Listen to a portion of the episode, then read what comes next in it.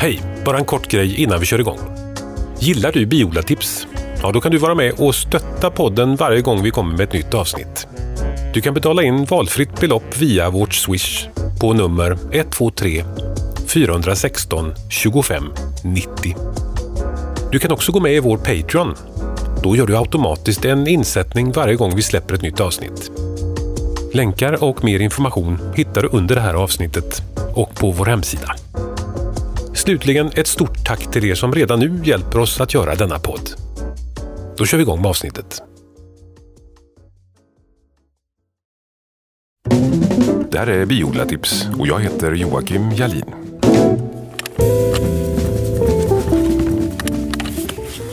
Jag är ute och behandlar bisamhällena med oxalsyra. Jag använder den så kallade droppmetoden. Bina har byggt ihop täckbrädorna ordentligt med propolis. Det är nästan omöjligt att få upp dem utan kukniven. Det knakar sådär bekant från propolisen när plankorna går isär. Jag funderar på hur de kan täta mellan täckbrädorna igen efter att jag lagt på dem igen. Kan bina verkligen tillverka propolis så här års? Eller blir det glipor mellan täckbrädorna resten av vintern? Ja, jag är ju tvungen att öppna upp för att kunna behandla med oxalsyra. Men är det glipor så kan du läcka ut varmluft från kupan. Det är nog inte så bra. Eller?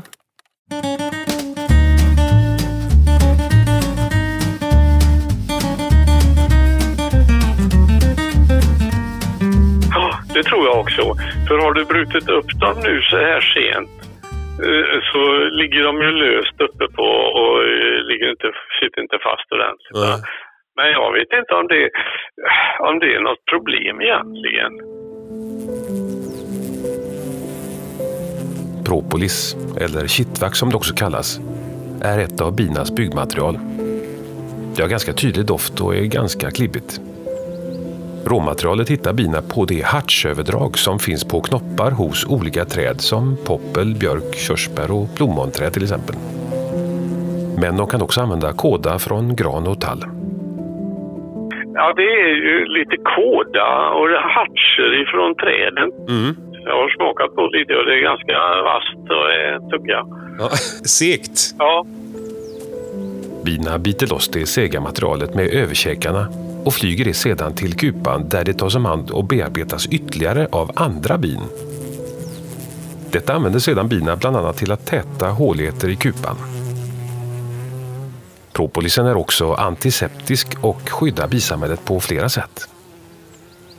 Inkräktare som har dött som inte bina kan transportera ut ur kupan kan helt och hållet kapslas in i propolis för att skydda samhället mot sjukdomar.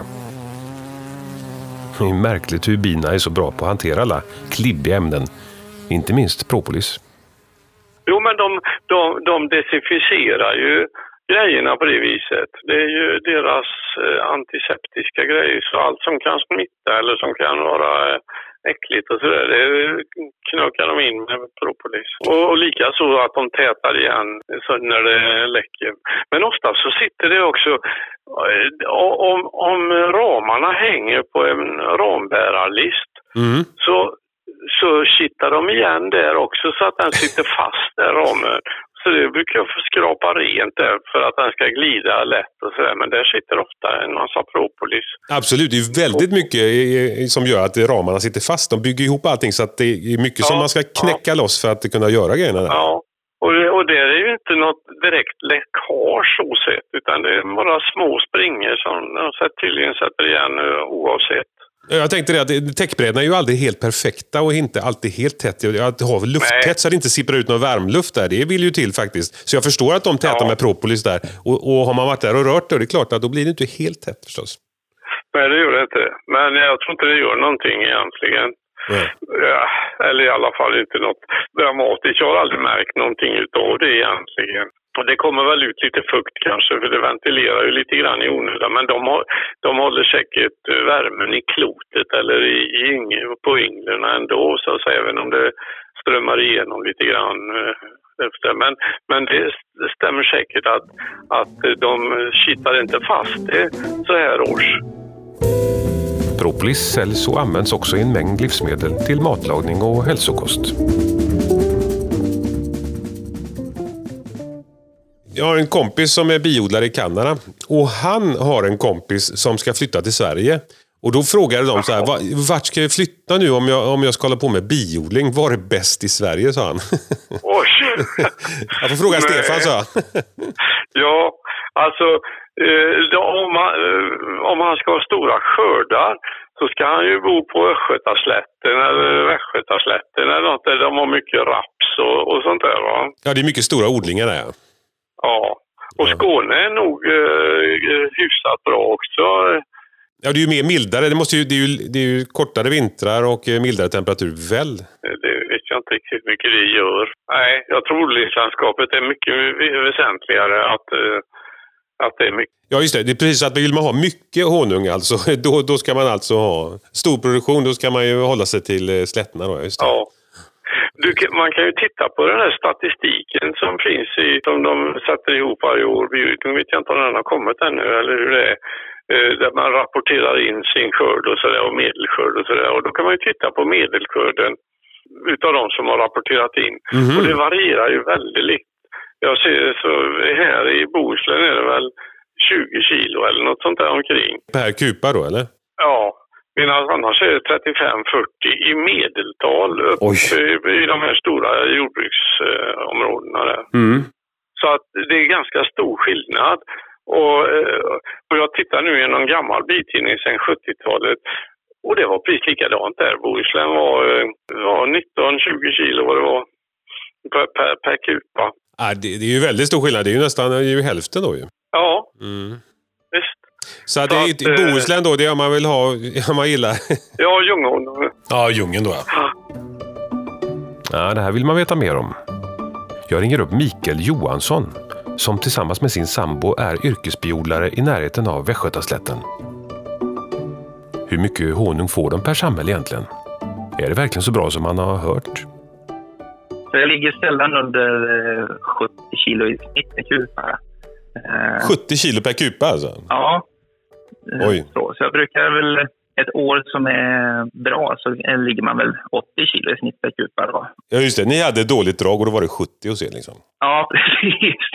Ja, jag hade kup som var 10 på, du vet. Så att, Ja, det var- jag har förstått det. Var, det. Jag har förstått att det är olika. Alltså när, om du nu får in 80 kilo per kupa, vad, vad, då måste du antingen skifta ganska ofta eller så har du många lådor på direkt. Ja, ja. Nej, jag slungar tre gånger på säsong. Annars så når jag Ja. liksom inte upp.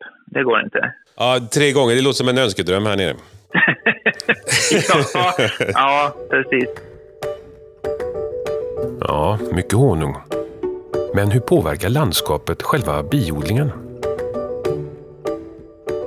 När jag pratar med mina kollegor som, som har biodling mer åt Skaraslätten, där det är mer odlingslandskap, mer eh, plattmark och så vidare. Mm. Eh, de, de säger ju att i eh, början av året när rapsen och alltihop det kommer, då är det jättebra att ha bin med.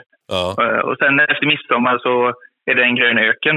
ja, just det. Det tar slut fortare säsongen egentligen och efter att eh, rapsen är klar då, då är det inget kvar egentligen menar eller? Nej, det finns inte så mycket för bin att dra på då. Nej. Eh, Nej.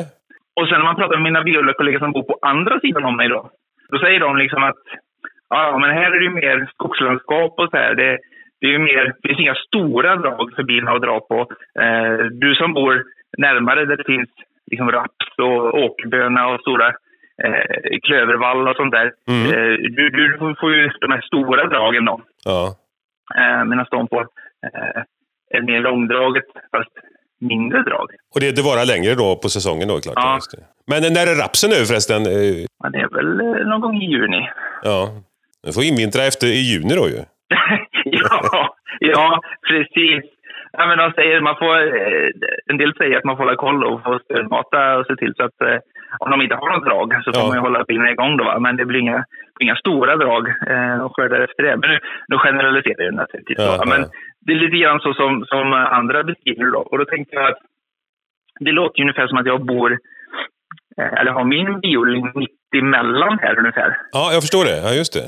Så att jag har både skog och eh, insprängda åkrar med, med lite olika odlingar och även mycket trädor och eh, ängsmark med gammal betesmark och sånt där. Så att de stora dragen som jag har, det är liksom maskros, raps, eh, åkerböna, hallon och så är det klöver.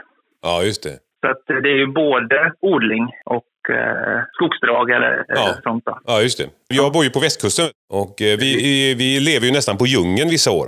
Och så var det i år. Det var ju nästan ingenting på sommaren, du vet. Och sen Nej. så kom djungeln då och räddade lite grann kan man säga där. Så att det var nästan ren ljung i kuporna. Och det var lite intressant. Den var hög koncentrat av ljung, så det var ganska det är trevligt på ett sätt.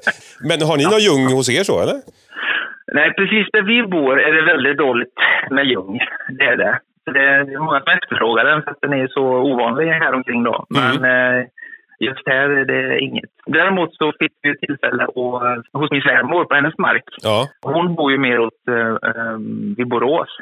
Och där är det ju mycket mer berg och skog och sånt. Så där finns det ljung. Så vi fick ljung i år på den bigården vi ställde upp där. Mhm. Så det var intressant för vi har aldrig haft ljung förut. Nej. alla säger att djungeln är jättesvår och så här då. Men, eh, jo, tjena. ja, har ni, har ni slungat den nu och den är klar då, eller? Ja, ja, ja, precis. Hur gick det då? Ja, det var lite kakras och lite allmänna svordomar och lite sådär. Så att, eh, men jag menar, vi fick ju ut hälften i alla fall och det ska man vara nöjd med. Ja, precis. Hälften blir kvar nästan, det är riktigt. Men det gör den Ja. ännu mer exklusiv, så att det är bara dubbla priset då. Ja, exakt. exakt.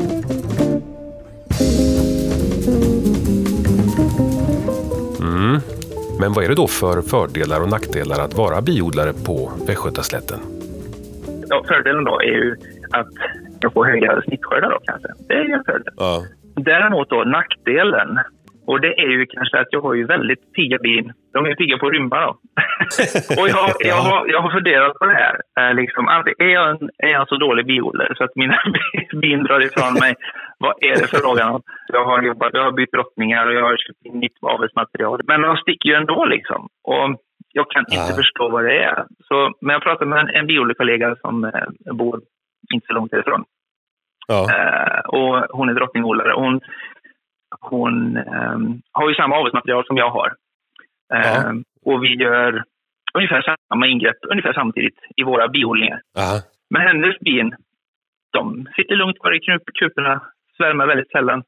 Och mina bin, mina bin är ju som raketer. Vet du. I, i, början på maj så får man ju vara som en hök.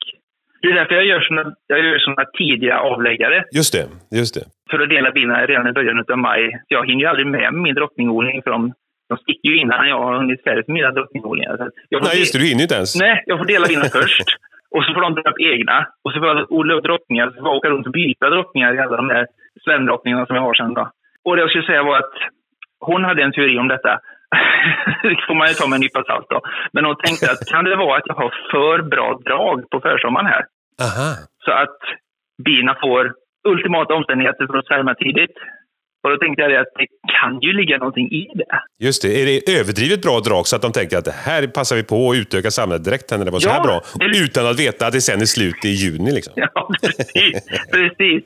Ja, men det var en teori som jag fann lite tröst i här när jag tyckte att jag var en särskilt eh, usel biodlare. att mina bin drog ifrån mig. Då, va?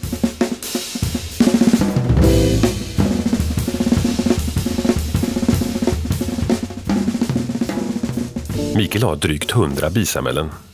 Och har man så många bikuper, ja då kan man ju inte ha dem på samma ställe.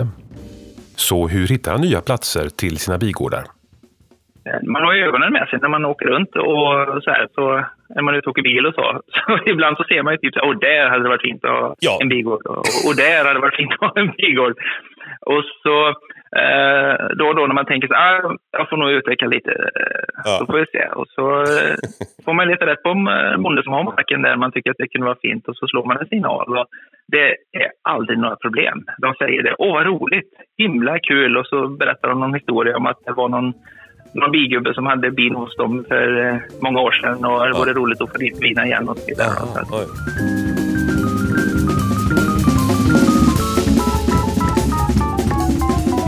Mikael berättar om en extra rolig överraskning han fick sist han var ute och tittade till en utav bigårdarna.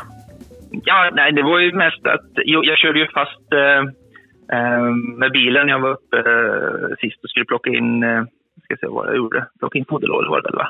Vägen var ju lerig där så Ja. körde jag fast och så fick ju bonden hjälpa mig att dra loss med det och då så Så diskuterade vi väglaget lite grann där och så, och så lite roligt när jag var uppe igår då. Då hade han ju lagt eh, singel på hela vägen och, och gjort, gjort den fin hela vägen Oj. fram ända fram till bigården. Ja, det var väl bra? riktigt. Ja, herregud. Man är så, man är så bortskämd ibland med eh, de här bönderna som tycker att det är intressant. Det Oj, tycker jag, vad, vad fint. Det var ju den motorvägen helt fram till Kupna. Vad kul. Ja, precis. Så att eh, jag tänkte att i sedvanlig ordning så får jag ställa bilen och så får jag gå upp då, för det är så lerigt, tänkte jag. Ja. Men sen när jag gick en bit så tänkte jag, vad sjutton, han har ju lagt ting där hela vägen fram. Perfekt underlag där ju. precis. Ja, nu är det ju klart att alla regioner i landet har sina fördelar och egenskaper när det gäller biodling. Frågan om var det skulle vara bäst med biodling i landet, ja, den har ju egentligen inget riktigt svar. Förutom att det troligtvis är där man själv bor. Oftast gillar man ju sin egen honung bäst. Så även jag. Även om det inte är så mycket alla år. Så nu undrar man ju hur det går för biodlare i andra delar av landet. Ja, vi får helt enkelt ringa upp och kolla. Men tills dess, ha det bra och tack för idag. Vi hörs!